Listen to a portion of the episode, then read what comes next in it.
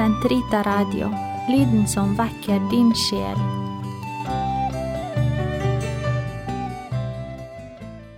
Det menneskelige kirken. I et eh, tidligere foredrag har vi vært inne på kirkens himmelske guddommelige side. Den oppstandende Kristus som lever sitt liv videre i sin kirke. Vi kan altså trekke den slutning at kirken ikke bare er et menneskelig samfunn, men samtidig er den også det.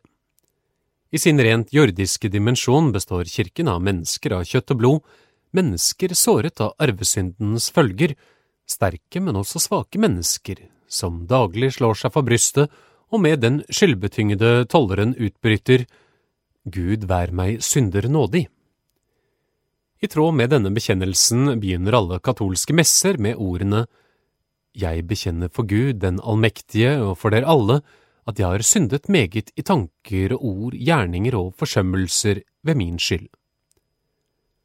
Ved disse ord slår man seg for brystet. Når over én milliard katolikker daglig synder, må det sette spor etter seg i Guds folks historie. Heller ikke prester, biskoper eller paver danser utenfor rekken av personer som trenger syndenes forlatelse, for også de er bare mennesker. Som katolikker kan vi gjøre Per Gynts ord til den sutrende mor Åse til våre egne. Enten jeg hamrer eller hamres, like fullt så skal det jamres. Det jamres over at vi guddommeliggjør kirken. Like fullt jamres det over den forståelse vi viser overfor kirkens menneskelige og syndige side. Det er dette tilsynelatende paradoks jeg behandler i følgende foredrag. Kjære venner, vi har her allerede i flere foredrag tatt for oss kirkens vesen, dens sanne natur. Den er først og fremst et mysterium, den oppstandende Kristus som lever sitt liv videre i kirkens mangfoldige lemmer. Det er i denne sammenheng vi kan tale om én hellig katolsk og apostolisk kirke. Kritikk mot kirken I kveld skal vi komme inn på kirkens menneskelige, ofte altfor menneskelige side. Tar en for seg all den polemiske litteratur som i århundrers løp er blitt rettet mot kristendom og kirke, blir en slått av all den trykksverte som er blitt brukt på personlig angrep.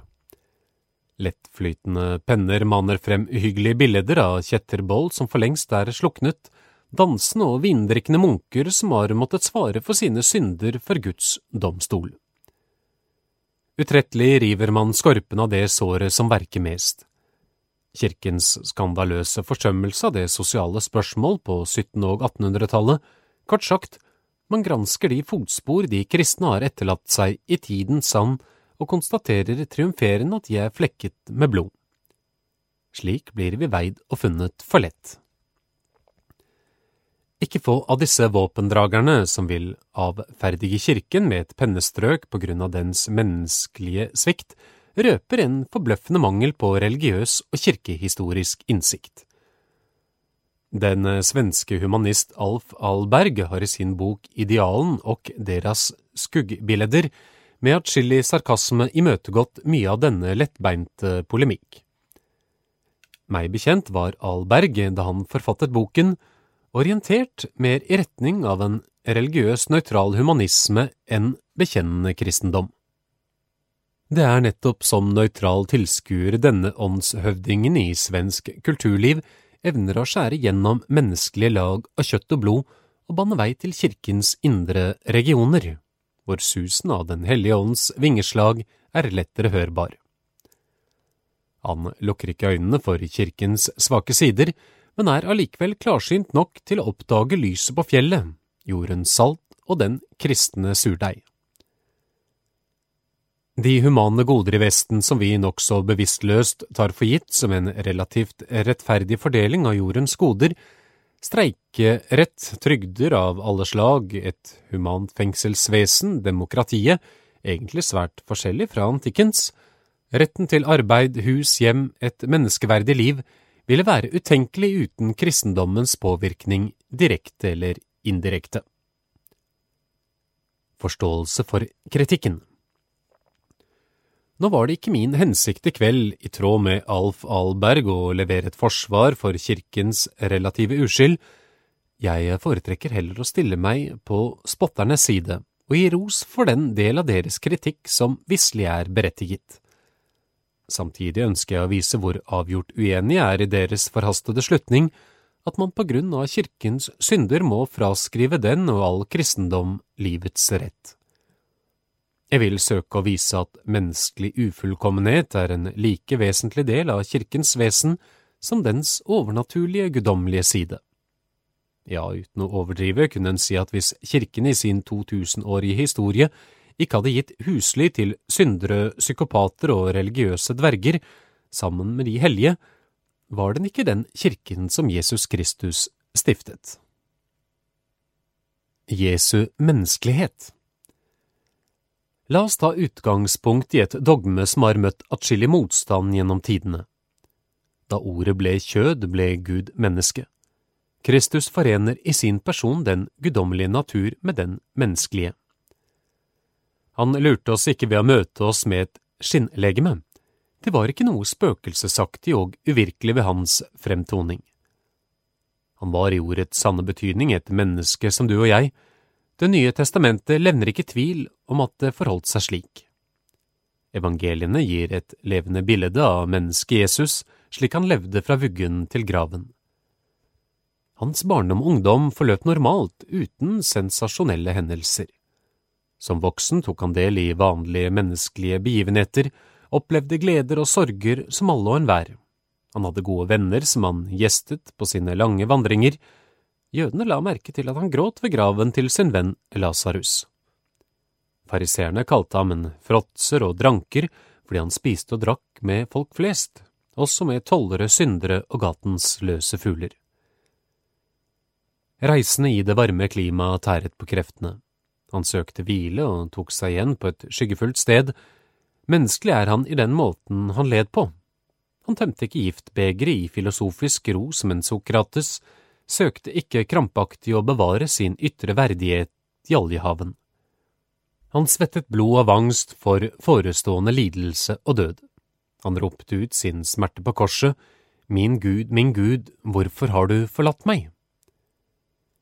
Det er i denne sammenheng interessant å legge merke til at det nettopp er Jesu menneskelighet motstandere i hans samtid tar mest anstøt av. De forestilte seg den kommende Messias som en nasjonal helt som i makt og verdighet var hevet over fattigdom og nød, svakhet og motgang, en kjempende konge som med sverd ved lend seilte på seierens bølgetopper. Men evangelienes Kristus ga avkall på det som virket stort i hans fienders øyne. Han blottstilte seg i all sin menneskelige svakhet, som den fattige, sårbare sønnen av tømmermannen Josef. Kirkens menneskelighet Det hersker likheter mellom Kristus og den kirken han stiftet. På samme måte som han selv var blitt menneske, slik ville han stifte en kirke av mennesker og for mennesker. Eller for å uttrykke det annerledes, fordi kirken skulle være hans mystiske legeme, fortsettelsen av hans historiske liv, den viderelevende Kristus på jord, måtte den bære preg av den samme menneskelige svakhet som han selv hadde lagt for dagen den gang han levde synlig iblant oss. Og fordi Kristus ville bygge sin kirke på mennesker, slik de nå en gang er, uten gjennomgripende forandringer av deres natur, måtte den også gi husly for moralsk skrøpelighet og synd. Dette går klart frem av lignelsen om ugress i åkeren. Hveten og ugresset, de gode og onde, skal leve sammen i kirken helt frem til verdens ende når høstfolkene, Guds engler, skal skille dem fra hverandre. En lignende tanke kommer til uttrykk i lignelsen om såkornet som falt i forskjellig jordsmonn.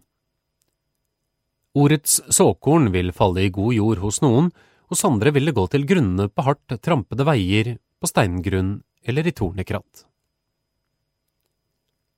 En kirke for syndere Hvis kirken virkelig er den viderelevende Kristus på jorden, et hemmelighetsfullt legeme, hvor han er hodet og vi er lemmene, da er det klart at kirken vil møte den samme kritikk og motstand som historiens Jesus ble utsatt for.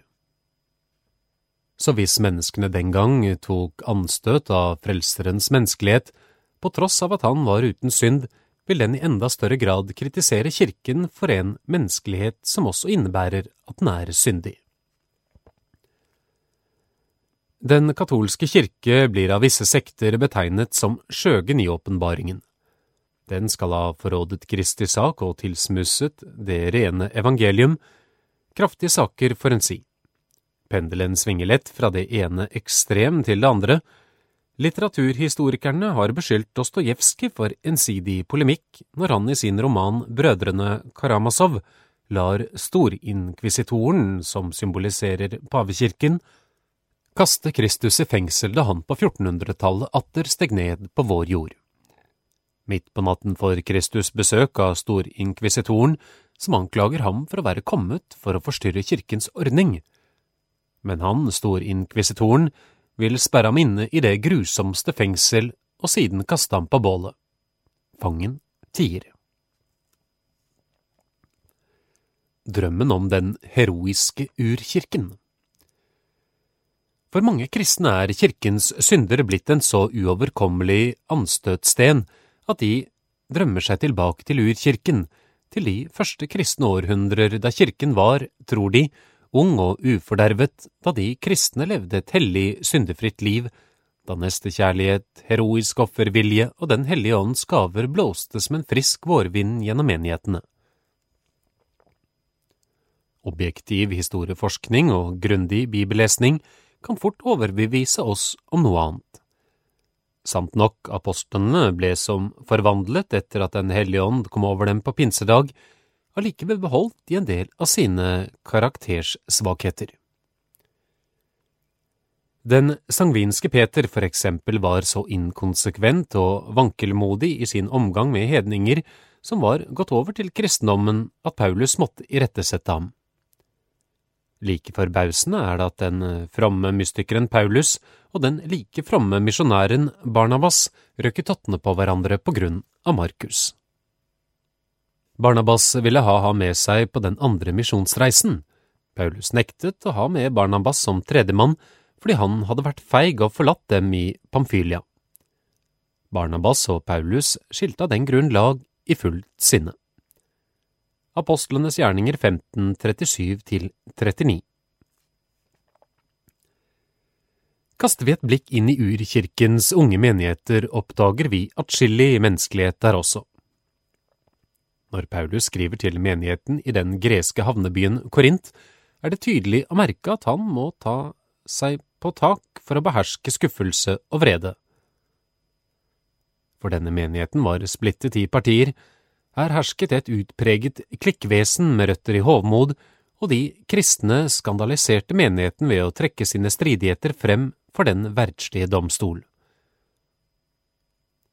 Når de så kom sammen til agape, kjærlighetsmåltidet etter messen, fråtset rike i mat og drikke mens de fattige gikk sultne og tørste derfra. Ikke nok med det, i denne menigheten måtte Paulus irettesette en mann som levde seksuelt med sin stemor, første Korinterbrev 5.1. Han ble ekskommunisert for en tid. Leser vi i Johannes' åpenbaring, oppdager vi at selv biskopene i de unge menighetene kunne være skrøpelige kar. Til biskop i Laodikea skriver seeren fra Patmos, Jeg kjenner ditt verk og vet at du er verken kold eller varm. Hadde du bare vært kold eller varm, men du er lunken, og derfor, fordi du verken er kold eller varm, vil jeg spytte deg ut av min munn. Åpenbaringen 3, 15–16 I sin glimrende bok Maktmennesket i menigheten legger Edin Løvaas frem hele sin erfaring, etter 40 år som sjelesørger. Her beskriver han hvilke metoder maktmennesket eller psykopaten benytter seg av i sitt spill med andre mennesker. Det ser ut til at psykopaten lett finner innpass i kristne kretser, de kristnes vilje til å ta alt et menneske gjør i beste mening, samt tilgi på røde rappen den verste ondskap, gir grønt lys for psykopatens intrigante streben mot maktens tinder. Vi som lever i dag kan lett tro at maktmennesket i menigheten er et moderne fenomen, typisk for vårt syke århundre. Løvaas viser at psykopaten drev sitt infame maktspill allerede i urkirken, gjerne maskert som en lysets engel. Paulus, Johannes, Peter, Jakob, Judas og Jesus selv kjempet med nøyaktig de samme problemer som vi gjør i dag. I den stressende multinasjonale og splittede menigheten i Korint har psykopaten oppnådd hva de ville, nemlig kontroll, splittelse og makt. Dere tåler jo at noen gjør dere til slaver, utsuger og fanger dere, behandler dere overlegen, slår dere i ansiktet. Andre Korinterbrev 11.20 Paulus advarer sin venn og elev Timoteus mot mennesker som er syk etter diskusjoner og strid, og dette skaper misunnelse, ufred, beskyldninger, onde mistanker og stadig krangel. Første Timoteus 6.4 i brevet til galaterne, det kristne frihetsbrev, raser Paulus mot falske brødre som hadde sneket seg inn i menigheten for å lure på den frihet vi har i Kristus, så de kunne gjøre oss til treller. Galaterne 2,4 Apostelen Judas polemiserer også mot falske brødre som mukker og klager, fører store ord i munnen. Men de smigrer gjerne folk for å oppnå sine mål. Det er nettopp disse som trekker opp skiller mellom folk, men selv har de bare sjel og ingen ånd. Ha medlidenhet også med dem, men vær samtidig på vakt, og sky like til det klesplagg deres kropp har besmittet. Judas 16–19 Og videre, de er skammeflekkene på deres kjærlighetsmåltider, hvor de sitter blant dere og fråtser uten å skjemmes, og sørger så vel for seg selv. Skyer uten regn er de, som driver for vinden, trær som ikke bærer enda det er sent på høst, to ganger er de døde, ingen røtter har de. De er villfarne stjerner som mørkets dyp er rede til å skjule i all evighet. Judas 12 til 13 Til menigheten i Filippi taler Paulus om noen som forkynner Kristus, fordi de er misunnelige og vil ha strid, for å hevde seg og ikke med ærlige motiver i den tro at de kan gjøre mitt fangenskap tyngre å bære. Filipperne 1, 15–17 I de tre første århundre av kirkens historie var det millioner av kristne som gikk i døden for sin tro. Vi taler om den heroiske martyrkirken.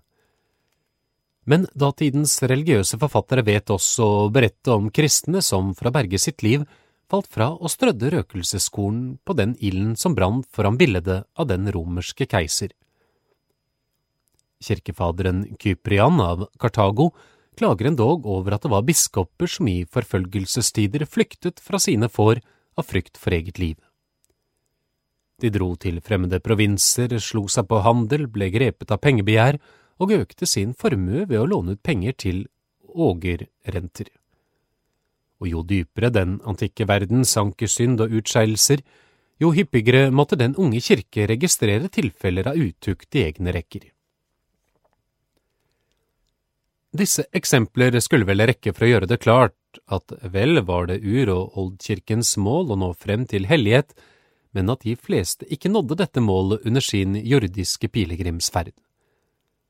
Det er med andre ord virkelighetsfjernt å hevde at de første kristne gjennomgående levde et heroisk fromhetsliv. Mange gjorde det, mange gjorde det ikke. Den gang som nå hadde kirken en menneskelig side. På tross av all den velsignelse kirken, direkte eller indirekte, har skjenket menneskeheten ned gjennom århundrene, har de fleste katolikker vært seg bevisst at kirken som et indre mysterium er hellig, men at den som et menneskelig samfunn også er syndig. Uten å miste troen har også kirkens egne barn gang på gang rettet det ene angrep skarpere enn det andre mot slette tilstander i kirkens liv, som umoral, griskhet etter jordisk gods, maktbegjær og annen styggedom. Kirken lever konstant i en tilstand hvor den må reformeres. Dante lar i sin guddommelige komedie tre paver i tur og orden havne i helvete, Nikolaus den tredje Bonifasius den åttende og Clemens den femte. Dette skjedde i en tid da pave Bonifasius ennå levde. Dante led ingen overlast av den grunn. Så sent som på 1800-tallet gir italieneren Antonio Rosmini en kritikk av kirkelige forhold i Italia i boken Kirkens fem sår. Samtidig hudstryker kardinal Henry Edward Manning engelske forhold i boken Hindringene for utbredelsen av kirken i England, og tar vi all den katolske kritikk i øyesyn som etter det annet Vatikankonsil er blitt rettet mot klanderverdige tilstander i den katolske kirke, kan man synes det grenser mot masochisme. Noen vil klandre kirkens kritikere for å skite i eget rede, for å underminere kirkens autoritet, ja, endog for å angripe Guds ære.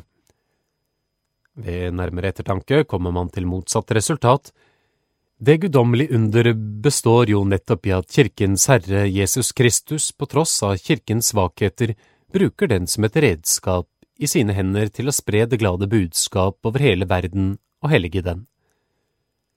Vi minnes det Paulus skrev i sitt første brev til korinterne, men de som i denne verden går for tåper, dem har Gud utvalgt for å gjøre de vise til skamme, og de som ikke duger til noe etter denne verdens mål, dem har Gud utvalgt for å gjøre de sterke til skamme. Og de som man i denne verden akter ringe og ser ned på, dem har Gud utvalgt. De som ingenting er, for å gjøre til intet dem som er noe, så ingen dødelig skal ha noe å rose seg av overfor Gud. Første Korinterbrev 1, 27 til 28. Det er i tråd med disse tanker vi må forstå forfattere som Francois Mariac, eh, Graham Greene og George Bernanos. I sine bøker skyr de enhver form for lettkjøpt omvendelsesromantikk. Med forkjærlighet legger de vekt på å skildre spenningen mellom det uendelige og det endelige i kirkens liv. I sitt forfatterskap fører de oss inn i syndens mørke avgrunnsdype mysterium for at nådens lysstråle fra oven desto sterkere skal oppleves som en overveldende realitet, uten snev av middelmådighetens søtladende sentimentalitet. En kirke som gir plass for menneske og positiv menneskelighet. Kjære venner, vi har hittil i dette foredraget, når vi snakker om det menneskelige i kirken, utelukkende konsentrert oss om det negative, våre menneskelige feil, svakheter og synder.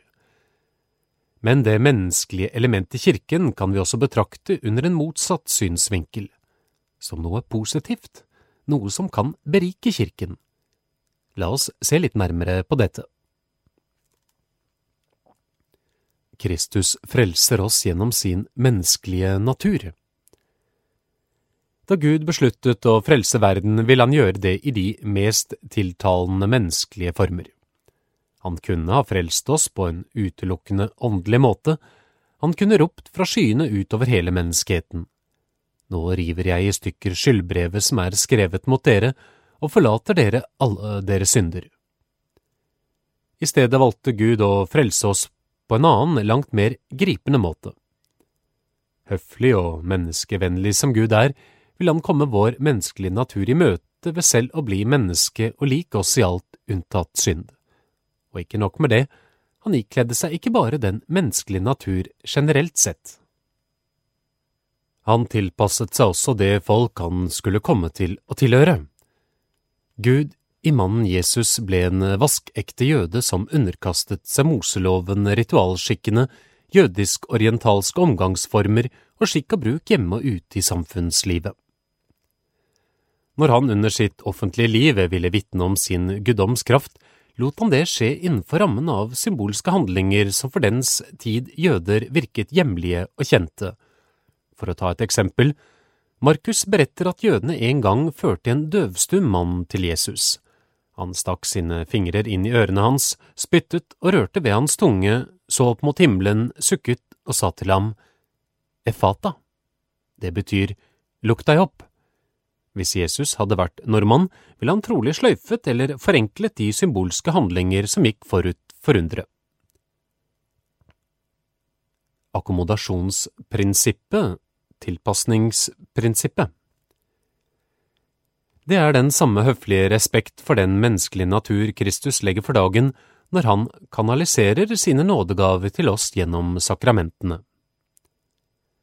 Den usynlige nåde skal formidles til oss ved synlige tegn som er blitt en del av vår hverdag, vann, brød, vin og golje. Den unge kirke som Kristus hadde stiftet og gitt i oppdrag å gå ut i all verden og vinne alle mennesker for troen, fulgte mesterens eksempel og tilpasset seg de folkeslagene de møtte i misjonslandene. I urkirken ser vi det i den måten evangeliene ble skrevet på. Læren er den samme, men valg av innhold og uttrykksmåte er tilpasset lesernes nasjonale og religiøse ståsted. For å ta to av dem, evangelisten Matteus skriver for troende jøder. Han legger vekt på å vise at Jesus er den Messias som loven og profetene vitnet om i Det gamle testamentet. Mye av det Jesus sa og gjorde, utdyper ikke Matteus nærmere, fordi jødene var kjent med disse tingene gjennom sine skrifter, Moseloven og folkets skikk og bruk. Evangelisten Johannes gjengir ord fra Jesu forkynnelse som Matteus utelater, fordi han henvender seg til mennesker med vidt forskjellig bakgrunn. Adressen kan ha vært jøder og hedninger som var påvirket av den gnostiske bevegelse. Johannes taler for eksempel i prologen til sitt evangelium om ordet. Her tilpasser han seg gnostisk religionsfilosofi, bruker et begrep som var vel kjent i hele den helenistiske verden, men gir begrepet et helt annet innhold. Guds sønn. Etter hvert som den unge kirken vokste og bredte seg ut over hele den på den tid kjente verden, ble den stilt overfor tilsynelatende uoverkommelige oppgaver. På den ene siden skulle den gjøre den helenistiske åndseliten kjent med kristent tankegods, på den annen side måtte den forsvare seg mot angrep fra jødisk, hedensk og heretisk hold. I denne åndskampen på fire fronter benyttet kirken det samme våpen som sine fiender. Den tok filosofien i teologiens tjeneste. I forsvar og angrep tutet kirkefedrene med de ulvene de var sammen med. De møtte sine motstandere på hjemmebane. Platonisme, stoisisme og gnostisisme var tankesystemer de fleste kjente noe til. Når kirkefedrene benyttet seg av disse for å forklare kristendommen, var kontakten straks etablert og fruktbringende dialog mulig, uten at noen form for synkretisme fant sted. I middelalderen var det Thomas Akinas' store fortjeneste å trekke den aristoteliske filosofi inn i religionens tjeneste.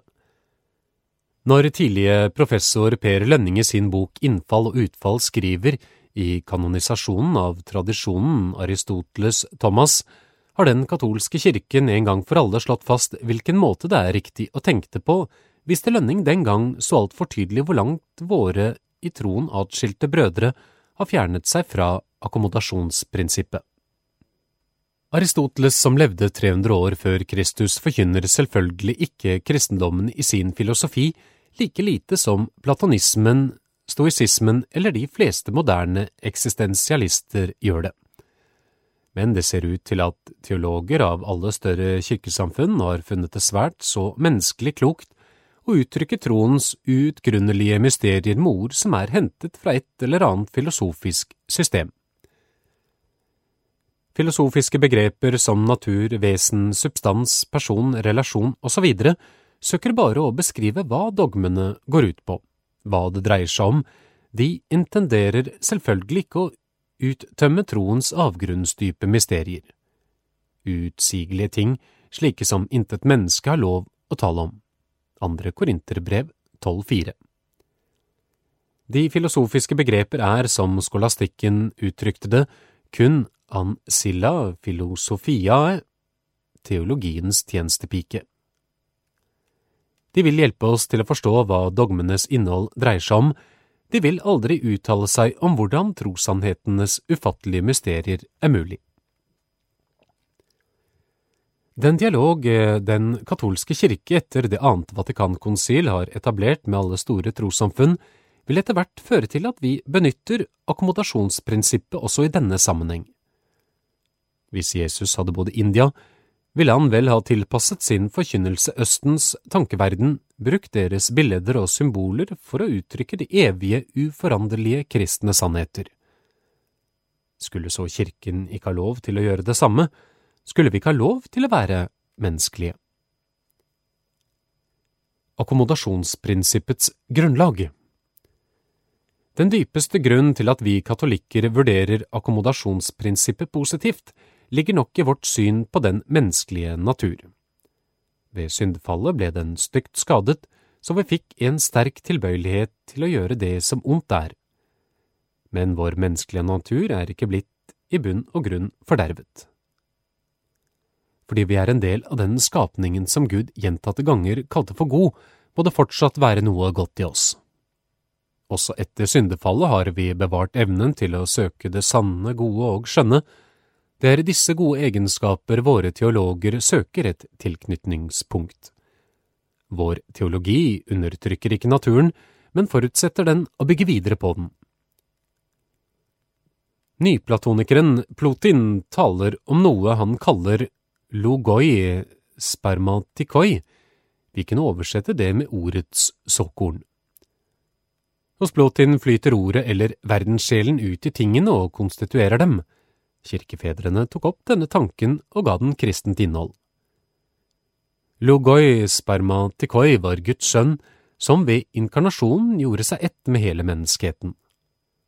Alle religioner har bevart bruddstykker av den opprinnelige uråpenbaring. Dessuten, Jesu hellige ånd arbeider også utenfor kirkens synlige grenser og strør noen logoi spermatikoi i alle religioner, kulturer og folkeslag. Anima naturaliter Christiana, sier kirkefaderen Tertullian, sjelen er av naturen kristen. De som lengter etter sannheten, omfavner sin lengsel ham som er veien, sannheten og livet. Hvis de også etter evne følger den loven som er skrevet i deres hjerter, Romerne 2, 14–16, bor Jesus anonymt i dem selv om de ikke kjenner hans navn. Også katolske misjonærer praktiserer tilpasningsprinsippet. I Afrika henger en svart Jesus på korset. I India slår noen seg ned som eneboere i stråhytter, lar skjegget vokse, bærer indiske klær og ligner vismannen som befolkningen ser opp til og søker hjelp hos. Når de så taler kristendommens sak, er kontakten allerede etablert på et naturlig, menneskelig grunnlag. Det er ikke til å legge skjul på at akkommodasjonsprinsippet medfører visse farer. Det er for eksempel ting som tyder på at jesuittiske misjonærer i Kina på 1600-tallet gikk for langt i sin imøtekommenhet da de tillot kristne kinesere å fortsette med anekulten, fedredyrkelsen. Kirkens ledelse forsto at dette lett kunne utarte og forbøde, det er en del av hyrdeansvaret til paver og biskoper å passe på at fremmede tanker ikke sniker seg inn i kristendommen.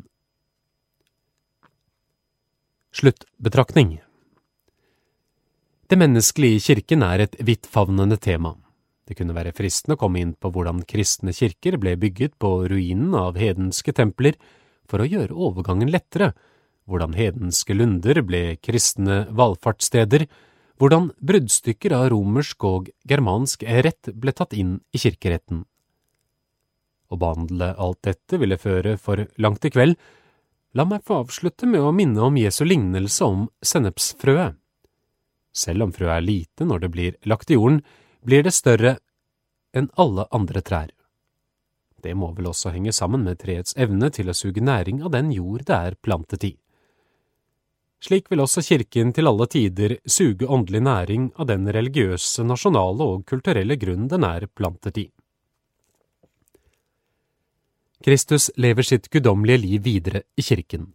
Gjennom sin hellige ånd helliger anden, men denne Jesu Kristi kirke består samtidig av mennesker, falne mennesker, frelste mennesker, syndige mennesker, hellige mennesker.